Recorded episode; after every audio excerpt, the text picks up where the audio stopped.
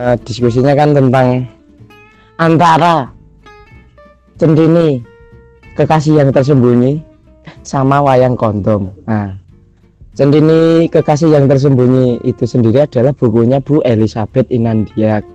Sebagai pengantar ya. Tugasnya moderator kan ya cuma mengantarkan. Terus sama wayang kondom itu adalah Selamat Gintono itu uh, mulanya pamfletnya pakai pakai dua gambar itu.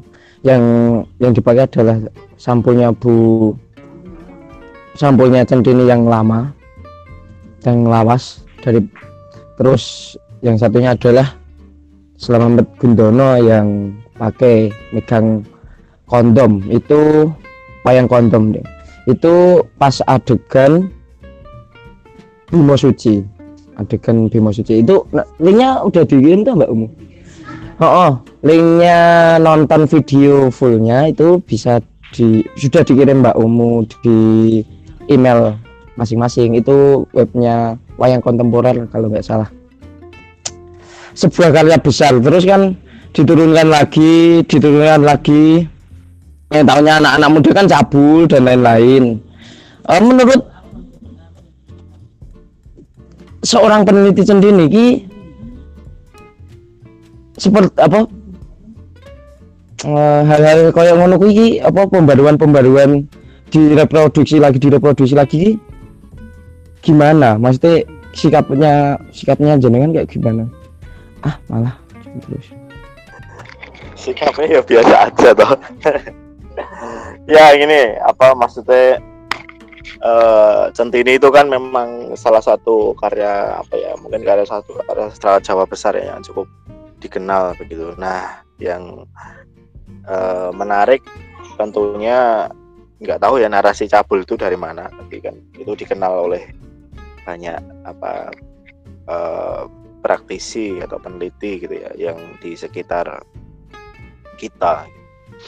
Nah sebenarnya juga tidak dipungkiri juga memang isinya centini juga uh, apa namanya uh, narasi tentang sedikit berbau seksualitas gitu ya. jadi romantika anak muda bernama Cebolang ini dia uh, memang memiliki perjalanan hidup sebagai apa ya pengelana gitu ya pengelana dan dalam perjalanan pengembaraan hidupnya itu memang seksualitas ya ada dalam satu perjalanan hidupnya seperti itu.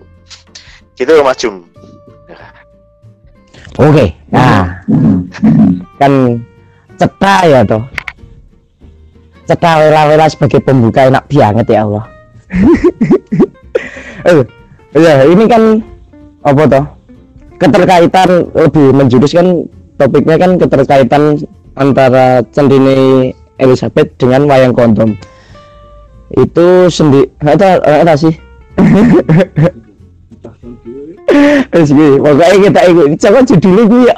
Kalau ada pamflet ya? Ah ini kan kalau nggak salah tuh ada pentasnya itu yang collab antara Elizabeth sendiri sama Pak Slamet Gundono. Itu ceritanya ceritanya lebih lengkap apa aku aku buka dulu ya. Mas Rendra sendiri sendiri kan pernah cerita kan uh, Elizabeth ini untuk pementasan ini kan nganu apa?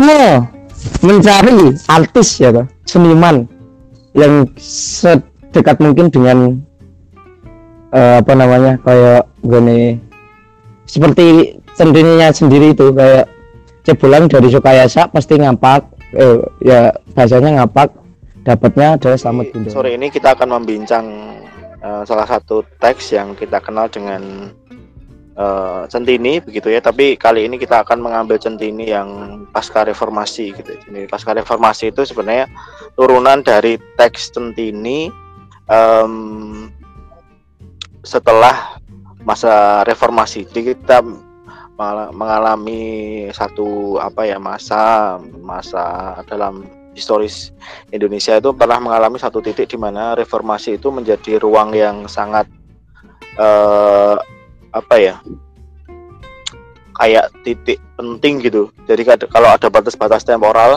maka 98 itu adalah salah satu batas temporal yang penting kita pahami dalam perkembangan karya sastra. Nah, perkembangan karya sastra ini juga sebenarnya diimbangi dalam perkembangan yang lain ya, misalkan uh, karya seni. Jadi uh, ruang politik dan ruang publik masyarakat Indonesia pada tahun 98 uh, uh, runtuhnya totalisme negara ya Orde Baru itu membawa penulisan karya sastra ke, ruang-ruang baru yang yang lebih dalam tanda kutip bebas gitu ya. Nah lanjut um,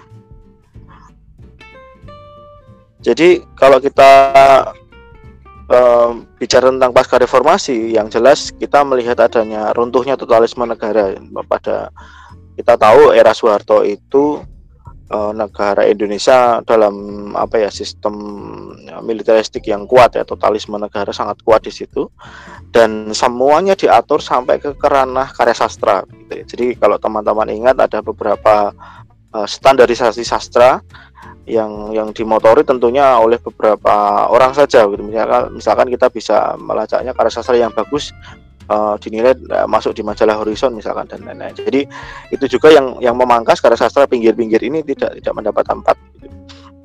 Nah poin yang kedua beruntungnya karya sastra Jawa itu adalah narasi mayor uh, yang digaungkan oleh Soeharto gitu. Jadi Soeharto itu dia memiliki kecenderungan karena beliau juga mungkin ya orang Jawa dan uh, memiliki ketertarikan tinggi dengan uh, sastra Jawa dan filsafat Jawa itu. Akhirnya ya sastra Jawa mendapat ruang yang lebih besar daripada perkembangan karya sastra lain di Indonesia begitu ya. Jadi cuma ada karya sastra Jawa dan sastra Indonesia begitu. Nah, sastra yang lain saya pikir sastra Sunda, Melayu itu uh, memiliki apa ya ruang yang lebih kecil. Ini terbukti dengan berbagai macam penerbitan yang yang bisa kita lacak um, di berbagai apa ya terbitan pemerintah gitu ya di Kementerian Pendidikan, kemudian program-program yang dilaksanakan uh, kampus-kampus itu uh, selalu terkait dengan uh, sastra Jawa gitu. Nah, tetapi ketika ketika pasca reformasi orang itu bebas nulis gitu. Jadi wacana yang ditulis itu bebas, kemudian orang mau nulis apa aja dipersilahkan dan akhirnya ini juga yang menghadirkan uh, sastra-sastra pinggiran ya yang bersifat perifetik, kemudian itu ke tengah gitu ya, uh, kembali ke tengah per apa percarut, percaturan karya sastra yang ya, atau dalam meta narasi ya dalam narasi besar dalam kesusastraan di Indonesia begitu. Nah uh, ada salah satu karya sastra yang yang cukup dikenal oleh masyarakat Jawa dan Indonesia adalah Centini gitu ya. Jadi Centini itu adalah karya sastra yang yang runutannya sangat panjang dari masa Cirebon ya. Uh, saya ada bagannya, uh, bagan tentang Centini yang teman-teman bisa saksikan. Uh, itu um, kita bisa lihat Centini itu setidaknya dari Kidung Candini itu uh, sekitar 1600-an gitu ya. Jadi dalam metrum kidung dan monometrum kemudian berkembang sampai ke, masa pasca reformasi. Jadi sangat panjang ya perjalanan Centini itu melampaui waktu 400-an tahun gitu. Jadi uh, saya hanya mengambil dua, uh, 20 tahun terakhir saja perkembangan Centini di, di pasca reformasi. Nah, dalam pasca reformasi itu ada satu teks yang cukup menarik ya. Kenapa tiba-tiba pada pasca reformasi centini itu begitu banyak digandrungi begitu oleh oleh teman-teman teman-teman sastrawan modern gitu. Sebenarnya ada apa? Setelah 98 kok centini diminati lagi gitu? Ditulis lagi ada ada apa penyaduran ada penerjemahan ada uh, yang kita soroti sore ini adalah alih wahana gitu. jadi alih wahana itu um, salah satu profesor yang cukup intens ya ketika mengungkapkan alih wahana itu tentunya di Djoko Damono ya. Walaupun sebenarnya ada beberapa peneliti sebelumnya tentang misalkan keterkaitan intertekstualitas dalam dalam uh, wahana kesusastraan itu dalam karya seni yang lain. Jadi uh, dalam intertekstualitas itu maka lahirlah uh, penerimaan penolakan penggubahan dan dan dan peniadaan gitu. Jadi ada empat fungsi intertekstualitas di mana karya sastra itu ditangkap, ada yang menerima, ada yang mengubahnya, ada yang menolak dan ada yang menghilangkannya.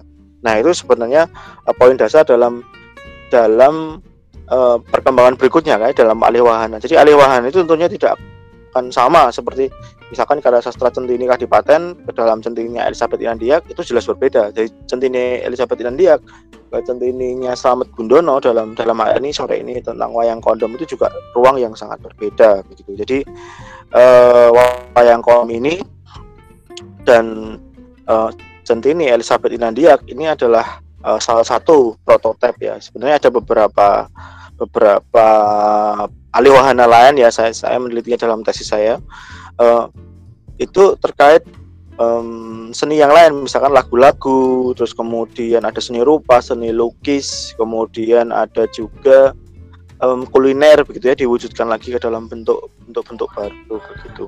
Nah sebenarnya pertarungan ini tidak lepas dari pertarungan estetika gitu. jadi kita berbicara tentang keindahan itu. Jadi ada sebuah karya kemudian dilihat ditonton diraba eh, diterawang ya kayak duit itu itu sebenarnya goal akhirnya adalah uh, pertarungan estetika gitu. jadi dia beradu beradu indah. Nah keindahan itu sebenarnya adalah pertarungan perebutan wacana begitu jadi pertarungan perebutan wacana mulai dari lokalitas kemudian hibriditas gitu ya. Kemudian liberalisasi banalitas dan lain-lain. Nah jadi pertarungan pertarungan pasca reformasi itu tidak lepas dari dari empat hal itu. Jadi uh, itu yang membuat um, kita pahami ya. Lanjut um oh, itu pertarungan estetika itu menjadi ruang penting ya. Kita kalau kita melihat karya sastra pasca centini itu kita akan melihat pertarungan ini jadi lokalitas dan nasionalitas terus dan internasionalitas gitu. Misalkan hibriditas orang yang uh, berbicara tentang keaslian dan berbicara tentang ketidakaslian berbicara dengan campuran.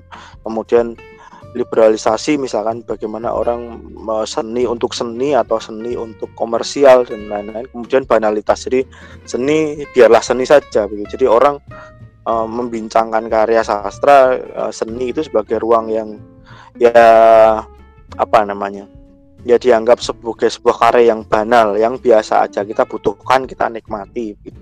Nah itu karya-karya yang yang yang yang saya amati di di pasca reformasi setidaknya ada empat pertarungan itu.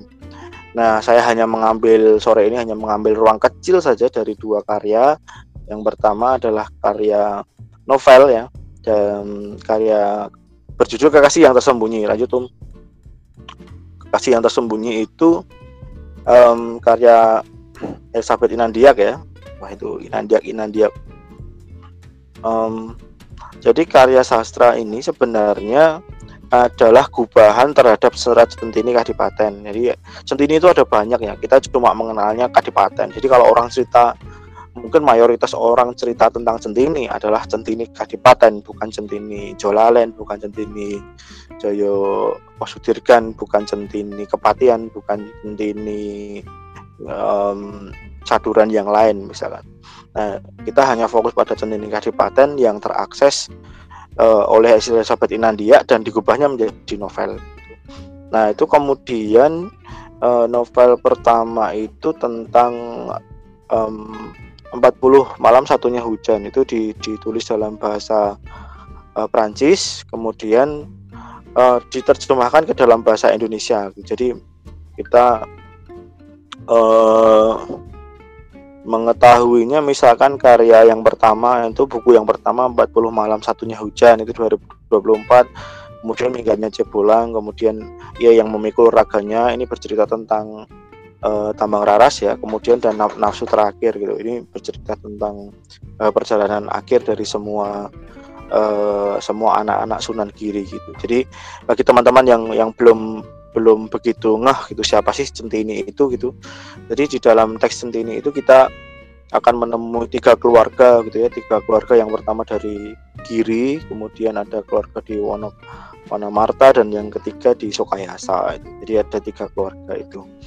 Nah, secara khusus wayang kondom itu dia mengambil buku Minggatnya Cebolang hanya satu buku tahun 2005 karena uh, pentas seni wayang kondom juga dimulai pada tahun um, 2005 gitu. Jadi uh, awal-awal 2005 ada fragmen-fragmen kecil gitu ya yang yang di yang dimainkan.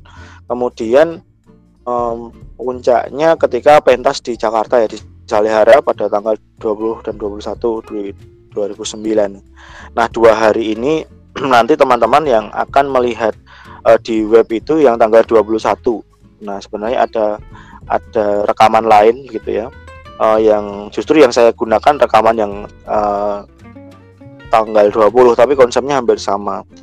Uh, ini skripnya jelas Bu Elizabeth sendiri yang yang membuat. Kemudian musik direktornya Pak Dedek kemudian aktornya ada Mas Haninawan dan Mbak Lala uh, presiden sekaligus aktris ya dalam dalam wayang kondom itu.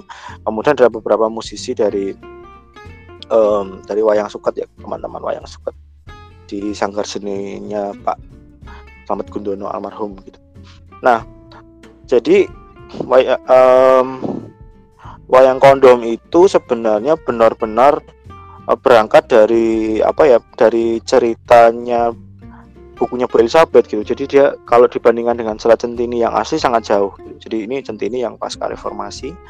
Kemudian um, setidaknya saya cuma ngambil ini ya poin-poin pentingnya gitu. Jadi ada dalam satu rangkaian minggatnya Cebolang itu uh, poin yang sebenarnya itu utuh menceritakan Cebolang. Dia tidak menceritakan keluarga Giri dan tidak menceritakan keluarga Wana Marta. Dia hanya mengambil satu tokoh dalam Selat Centini itu si Jebolang ini. Nah, bagian awal itu bercerita tentang Manggala dari dari naskah Centini Kadipaten ini karena dia di situ Elizabeth Inandia dia me, me, ini ya me, menegaskan kalau uh, di situ dia menulis berbasiskan teks pada era Pakubuwono keempat gitu ya. Jadi di, di Manggala itu ditulis um, setelah Pakubuwono keempat wafat pangeran segera naik tahta. Dan ini ini yang dimaksud tentunya adalah Amangkunegaara ketiga yang kemudian menjadi Pakubuwono kelima. Um, segera naik tahta dan dijemput malaikat Raja Singa dan dan seterusnya ya. Nah itu uh, pada bagian awal yang yang menarik ini jadi praktis dari dari teks ini kita kita bisa melihat bahwa bahwa bahwa wayang kondom berangkat dari teksnya Elizabeth Inandiak dan teks Elizabeth Inandiak itu uh, digunakan oleh Slamet Gundono untuk penyusunan wayang kondom. Lanjut, um, tuh gambar pentasnya nanti teman-teman bisa bisa menikmati. Sebenarnya saya pengen kemarin teman-teman ini ya um, menikmatinya kemarin jadi diskusinya lebih lebih rame gitu ya. terus kemudian uh, lanjut setelah Manggala dalam dalam wayang kondom itu dia mengambil uh, setting Sokayasa Sokayasa itu uh, tempatnya masih masih ini ya masih uh, tentatif gitu. Apakah Sokayasa ada di Banyumas atau Sokayasa yang ada di Banjarnegara? Ini ada dua dua Sokayasa dan dan Banjarnegara dan Banyumas itu adalah satu satu daerah yang yang cukup lama ya dikenal sebagai apa ya pusat pengetahuan tentunya keislaman. Nah di dalam teks ini itu kita bisa menemukan namanya Syekh Akadiyat gitu ya Syekh Akadiyat punya punya istri namanya Siti Wurian begitu. Nah di situ uh, punya anak namanya Cebulang. Cebulang ini yang menarik ya karena kita amati uh, saya saya belum melihat uh, pentas seni lain uh, tentang centini di mana uh, pentas seni yang dia mencari tokoh itu dari tradisi Panginyongan gitu. Karena dia memposisikan ya Cebolang itu orang orang Panginyongan, orang-orang Banyumasan gitu yang yang yang sehari-harinya menggunakan bahasa Panginyongan. Makanya dalam wayang kondom itu eh, Cebolang eh, Elizabeth ya Elizabeth mengambil eh, Slamet Gundono gitu ya sebagai ruang yang ya, merepresentasikan uh, Cebolang gitu sebagai um, santri dari Wanaya Sokayasa gitu. Nah di situ uh, kemudian Cebolang ini minggat ya, jadi sebagai anak-anak kiai dan settingnya saat Idul Adha. Gitu. Nah di situ uh, Idul Adha itu uh, setting yang diambil tentunya uh, tentang ini ya penyembelihan anak Ibrahim gitu ya dan Ismail kemudian dia um, disembelih gitu kemudian digantikan domba dan dan ada dialog-dialog yang sangat unik di situ uh, mensandingkan peristiwa apa ya kehilangan anak si si si Akadiat ini dan dan seperti halnya si Ibrahim kehilangan akan kehilangan Ismail. Nah kemudian perjalanan berikutnya um, wayang kondom itu uh, setting berikutnya adalah Kabupaten Ngawi, Kadipaten Ngawi. Ini sebenarnya tidak ada di di Centini Kadipaten. Jadi ini ini teks yang baru yang disisipkan uh, Kadipaten Ngawinya baru, gitu, tapi peristiwanya ada uh, disisipkan oleh Elizabeth Inandia untuk ruang-ruang um, yang baru gitu. Misalkan di sini ada peristiwa pertemuan Cebulang dengan seorang apa ya uh, janda gitu ya, janda yang sangat cantik begitu di Ngawi. Kemudian uh, si Nyai Demak ini apa ya merupakan orang yang sangat kaya, kaya raya begitu dan kemudian dia dia um, bercerita tentang Loro Blonyo sebenarnya. Jadi Loro Blonyo adalah dua patung yang biasa diletakkan di pasren. Pasren itu sentong tengah ya. Uh, kalau di di keraton kita nyebutnya pasren dan kalau di di kampung gitu di rumah-rumah limasan Jawa kita nyebutnya sentong tengah. Nah sentong tengah ini sebenarnya uh, uh, apa ya struktur rumah gitu ya dalam dalam struktur rumah Jawa sentong, sentong tengah ini digunakan untuk uh, gitu ya, untuk untuk untuk ritual dia membuahi istrinya begitu. Nah di situ uh, Cebolang bersamanya Demang itu uh, melakukan persetubuhan gitu. Nah dan kemudian Nyai Demang uh, meninggalkan Ngawi dan dan dan Cebolang dibiarkan menempati tempat itu dan berkeliling di sekitar Ngawi. Kemudian uh, setelah itu si Cebolang dia um, berjalan-jalan gitu ya di sekitar rumah si Demang itu ada uh, dia bertemu seorang dalang dan dalangnya bernama Panjang Mas. Nah, dalang Panjang Mas ini uh, dalang yang cukup dikenal ya dalam tradisi Jawa karena dia dianggap salah satu sebagai patron dalang gitu, di di di Jawa Mataraman karena uh, dalam historis Panjang Mas ini berangkat dari Kedu ya. Tapi dalam setting wayang kondom ini Panjang Mas ada di Ngawi gitu. Nah, saya pikir sebagai karya sastra tidak tidak tidak masalah ya dan ini menarik karena yang yang diambil adalah lakon Dewo gitu di, di Cebulang kemudian um, menonton wayang lakonnya si, si Dewo gitu. Dewo ini seorang uh, pendeta gitu ya yang dia nanti adu kesaktian kesaktian dengan si pendeta Durna nah perjalanan berikutnya si um, Cepulang itu sampai di Wirosobo gitu ya. Jadi Wirosobo itu uh, sebuah daerah yang mungkin ya hari ini ada di sekitar mungkin Tuban, Tuban Lamongan lah. Jadi dia dari Ngawi ke utara ke Wirasaba, kemudian di situ dia bertemu uh, Adipati gitu, Adipati Wirasaba. Gitu. Nah Wirasaba juga juga ini ya juga daerah yang sangat terkenal gitu dalam beberapa teks Jawa mulai dari Sultan Agungan sampai dia dengan masa-masa Surakarta itu kita bisa menemukan uh, Wirasaba ini gitu. Nah di situ uh, Cebolang bertemu dengan Adipati Wirasaba ya, sebagai sesama lelaki begitu. Tapi saking eloknya Cebolang ini Wirasaba ini tertarik dengan dengan cebolang gitu ya. Dan dan terjadilah persetubuhan sesama jenis ya antara cebolang dan wirasaba begitu. Nah, seperti apa di situ dikisahkan sang adipati terguna-guna lupa kalau dia pria gitu merasa jadi wanita dan seterusnya. Lanjut. Um, kemudian setelah um, meninggalkan Kadipaten Wirasaba ya karena diceritakan setelah Nah itu si Cibulang ini dikejar-kejar ya oleh oleh prajurit Kadipaten, kemudian dia masuk ke tengah hutan dan bertemu Kiai Dikara. Kiai Dikara ini lurah hutan. Ini ini juga uh, posisinya dalam serat cantik Kadipaten tidak ada gitu ya. kemudian di situ dia bercerita tentang Nabi Daud dan lain-lain. Kemudian uh, apa ya uh, tentang uh, tentang Nabi Daud yang dia pandai sekali membuat musik begitu. Nah sebenarnya ini juga nukilan dari serat Centini Kadipaten ya. Nah, yang Centini Kadipaten tentu berangkat dari Centini Jolalen, di mana Centini Jolalen adalah salah satu Centini uh, dalam masa besar Centini, di mana uh, Centini itu mendapatkan masukan dari tafsir Al-Quran Al-Jalalain gitu.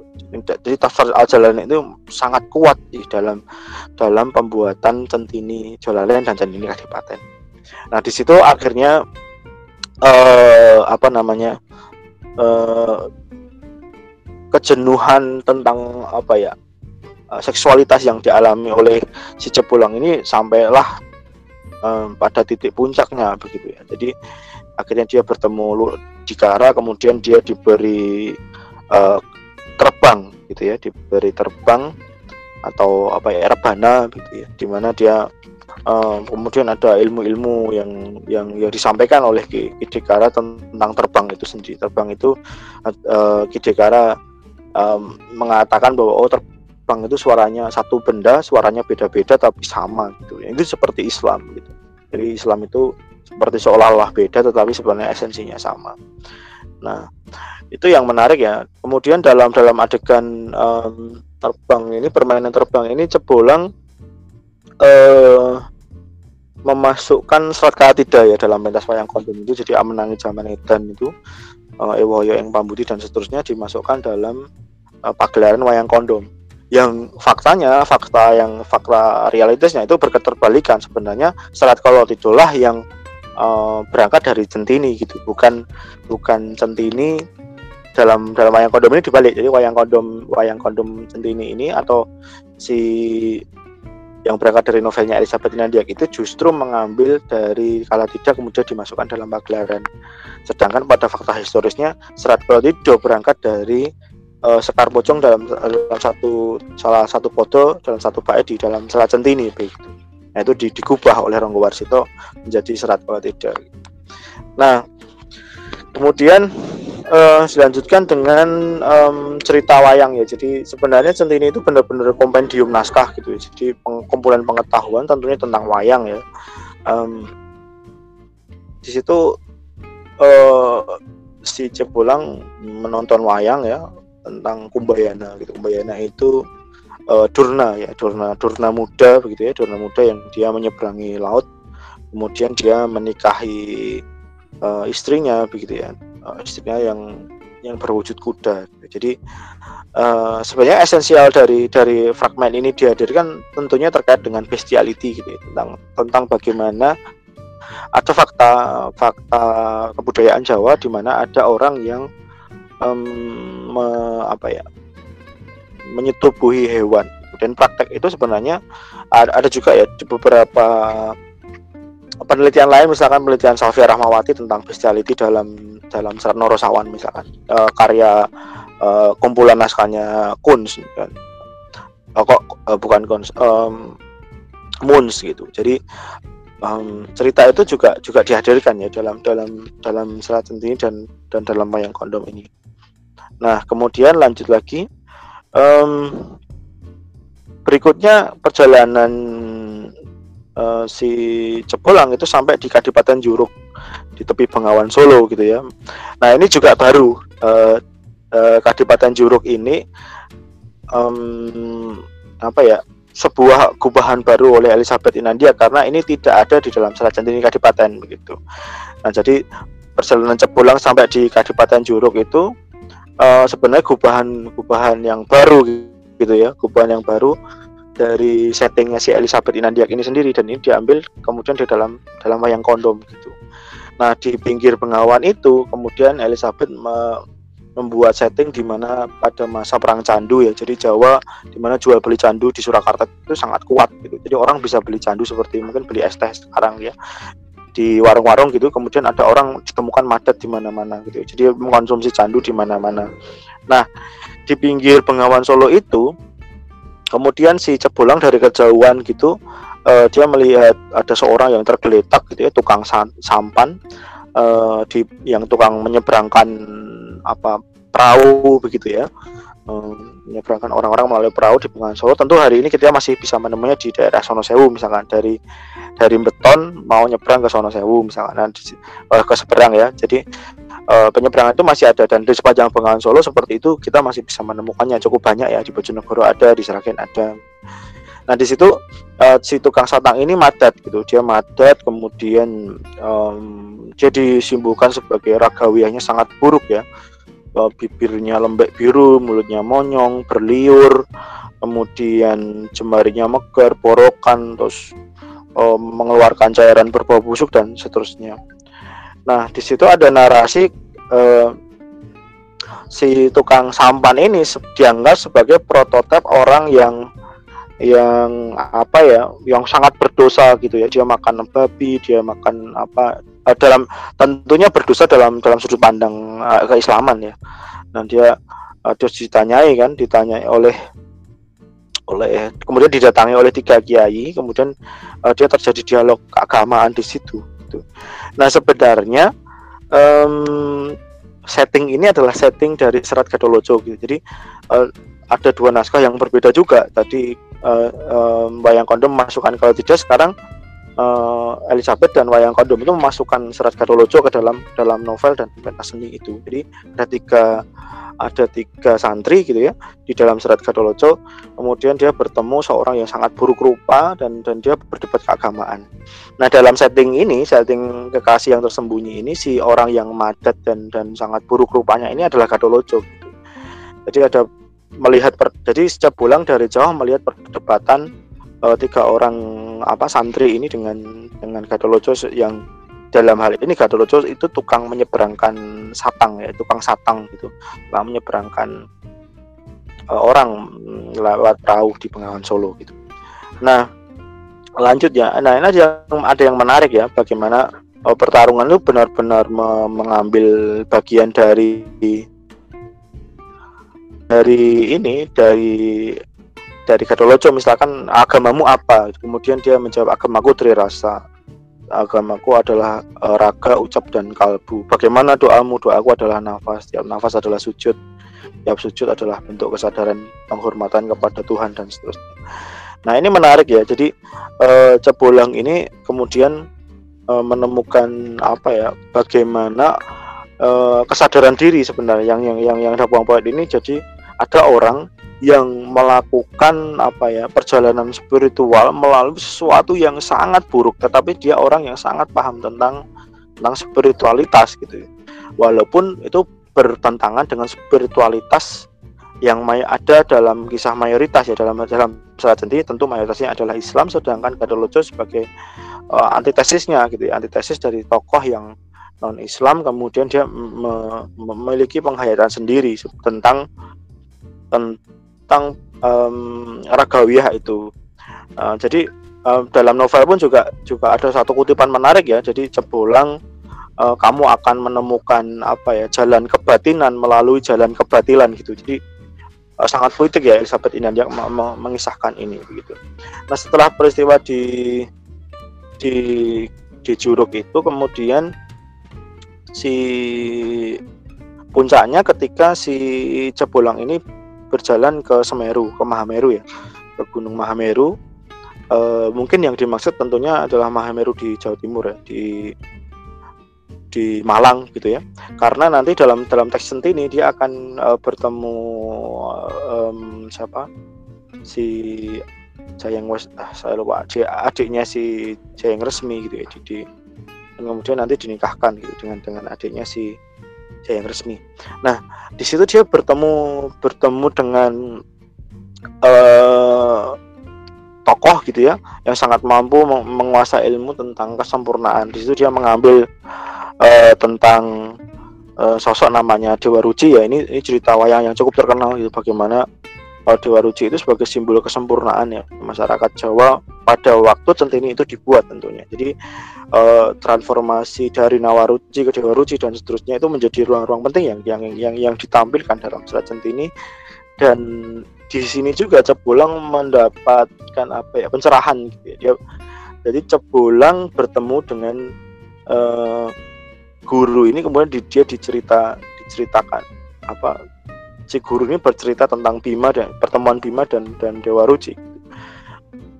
Nah, ini menarik karena karena di situ kemudian ada ada pengajaran ya tentang tentang Dewa Ruci, tentang pancawarna dan lain-lain. Eh, uh, peristiwa Bratasena yang diwejang oleh Dewa Ruci ya dan dan diterangkan yang dia masuk lewat telinga kemudian masuk ke dalam semestanya Dewa Dewa Ruci begitu. Nah sebenarnya ini uh, sangat dan sangat unik ya dalam hal spiritualitas. Karena kita karena uh, semesta dalam dalam konsep uh, Hindu terutama Hindu Siwa gitu. Tentang konsep Siwa semesta itu ada di di mulutnya um, Siwa ya dalam terus kemudian dalam konsep Kala juga seperti itu. Jadi sebagai semesta dunia itu ada di dalam dalam mulut seperti itu. Nah, di Baruci dia masuk ke dalam telinga, kemudian masuk dalam dalam ruang yang sangat semesta yang sangat besar. Lanjut. Nah, eh, saat mencapai puncaknya gitu ya, puncaknya dia mencapai eh, pencerahan dan setelah mendapat pencerahan itu pulang itu ini pulang gitu. Dia pulang kembali ke Sokayasa, kemudian eh, settingnya itu ini ya uh, malam takbiran gitu ya. Jadi um, sebelum takbiran jadi masih bulan puasa ya seperti seperti sekarang begitu sebelum itu pulang pulang ke rumah pulang ke Sukayasa kemudian dia mengenakan dia mengenakan pakaian catur warnanya karena setelah uh, dia bertemu Dana-Dana di Mahameru dia dia berhak berhak memakai catur warna. Nah, sebenarnya tradisi catur pakaian catur warna ini kita bisa temukan dalam dalam dukun-dukun yang ada di tradisi Tengger gitu. Jadi sampai hari ini catur warna, catur warna itu uh, masih dipakai gitu dalam masyarakat pedukunan dan Hindu Hindu Tengger gitu. Ada juga ditemukan di Cibiru misalkan di, di sekitar uh, Rancakalong ya di, di Sumedang gitu dari Unpad ke Sumedang. Nanti uh, orang-orang yang ngibing, uh, lurah ngibingnya, dukun ngibingnya itu dia memakai selendang berwarna empat empat warna gitu. Jadi tentang catur warna ini juga juga terkait dengan dengan sebenarnya dalam konsep Hindu kemudian ditransformasikan dalam konsep Islam ya. Jadi bagaimana empat nafsu itu disimbolkan dalam berbagai warna juga. Nah, dia kembali ke Kosokoyasa, kemudian bertemu dengan ayahnya. Nah, setelah bertemu ayahnya ini um, merupakan apa ya? Saya pikir puncak gitu ya. Jadi dia puncak bertemu Akadiat, kemudian um, Akadiat ini apa ya? Um, melihat cepulang gitu. Terus dia aku melihat catur warna yang sepertinya engkau telah diwejang oleh ilmu suci gitu. Lepaskanlah uh, pakaian itu sebelum engkau ternoda dengan rasa bangga. Jadi uh, coba kamu belajar ilmu yang lain ilmu yang paling mendasar yang mengantarmu ke dalam uh, ke semuanya begitu ilmu-ilmu yang lainnya. Jadi um, terus kemudian Jebolang bertanya ayahanda ilmu apa itu? Terus si Kadir menjawabnya dengan cinta. Nah kemudian uh, wayang kondom berhenti sampai di situ gitu. jadi pertemuan kembali si si apa? Si cepulang dengan Kadir itu mengakhiri uh, wayang kondom itu. Nah sebenarnya di semua semua wayang kondom itu jadi ada ada dia balungan balungan itu dia menggunakan novelnya Elizabeth Inandiak tetapi dalam dalam perkembangannya itu dia menggunakan teks-teks yang lain dan dan dan gojekan-gojekan bahkan eh, apa ya narasi-narasi yang sederhana gitu dari kehidupan sehari-hari dalam masyarakat Jawa digunakan untuk membangun um, apa ya ya seni ya membangun seni pertunjukan yang yang enak dinikmati dan dan itu luar biasa Nah, lanjut. Nah, secara ah, saya akan kembali agak serius gitu ya di, di dalam ruang-ruang yang lebih ilmiah gitu, ilmiah. Jadi standar estetikanya berubah gitu ketika ketika kita amati dari centini kadipaten ke centini novel, terus kemudian ke centini yang dalam pagelaran itu ada bentuk estetika yang yang berubah di mana di balik stigma porno itu sebenarnya ada ruang-ruang yang bertarung gitu. Kapital kemudian ada ruang seni dari balik kapital itu juga tentunya ada wacana yang yang di di dinaikkan begitu ya. Kemudian pertarungan antara penerbit dan lain-lain. Nah selain itu yang yang saya amati ketika ketika orang-orang yang di masa-masa ini masa-masa pasca reformasi itu uh, ada beberapa hal yang um, menjadi apa ya tandingan gitu wacana tandingan. Pernah diungkapkan Pak Ahmad Kojim dalam sebuah pidatonya begitu. Uh, dia bilang bahwa oh saya tidak yakin setelah keluar dari Leiden orang tahu isinya Jawa gitu seolah-olah dia mem membela oh, dimanipulasi pikiran Barat dan lain-lain. Uh, dia langsung men uh, menyebut Elizabeth Inandia um, orang yang tidak paham Jawa dan lain-lain. Jadi uh, ada semacam ketidakterimaan gitu ya. Ada penulis lokal Jawa yang uh, tidak terima kalau Elizabeth uh, kenapa sih centini selalu Elizabeth India dan dan itu ruangan yang menarik untuk diperhatikan. Kemudian lanjut lanjut lanjut. Nah, um, praktiknya hibriditas ya dalam dalam dalam surat centini pasca reformasi tentunya adalah uh, eksplorasi yang tentang seksualitas. Saya melihat seksualitas itu benar-benar dieksploitasi sebagai ruang-ruang memasuki karya-karya seni ya lukisan, kemudian pentas wayang kondom itu sendiri, kemudian di di Elizabeth Nendiak juga uh, bagian mengganya bolang ini kan bagian yang sangat apa ya sangat uh, mengeksploitasi ruang-ruang seksualitas itu. Dan di situ juga yang menaruh minat baca yang tinggi. Tetapi sebenarnya itu strategi yang menarik ya karena orang akan uh, saya pikir ya di seluruh dunia ini orang akan tertarik ya dengan seksualitas gitu ya. Nah dia akan tertarik dengan seksualitas tapi ketika dia membaca centini yang tentang seksualitas itu sebenarnya Elizabeth Inandia sendiri memasukkan ruang-ruang centini yang spiritualitas dengan dengan kedalaman lumayan dalam gitu ya. Eh, tentang keislaman tentang tentang agama-agama pinggir dan lain-lain. Kemudian um, sebagai simpulan jadi teks sentini um, baik pra maupun pasca reformasi itu um, memiliki daya, daya tarik tinggi ya sebagai the order of discourse gitu sebagai uh, wacana gitu ya sebagai wacana dalam kebudayaan Jawa seperti jadi sangat sangat tua begitu jadi kenapa dari zaman serat cebolek uh, serat kidung candini sampai candini kadipaten sampai era balai pustaka sampai era orde baru sampai pasca reformasi ya hari ini itu centini masih seksi sekali gitu diperbincangkan gitu ya. Nah, jadi pertarungan centini itu tentunya memuat isu religiusitas, lokalitas dan tentang liberal. Bagaimana gerak kapitalisme masuk dalam ranah-ranah produksi kebudayaan, membentuk formasi praktik, diskursif dalam ruang kulturalnya masing-masing. Nah ini menarik sekali. Saya cuma mengambil satu segmen dari uh, bagian kecil sekali sebenarnya dan itu sebenarnya masih bisa dikembangkan dalam dalam dalam kajian-kajian yang lain gitu. Nah di era reformasi tidak menutup kemungkinan ada wacana-wacana lain yang secara independen, fragmentatif, mistik dan ahistoris.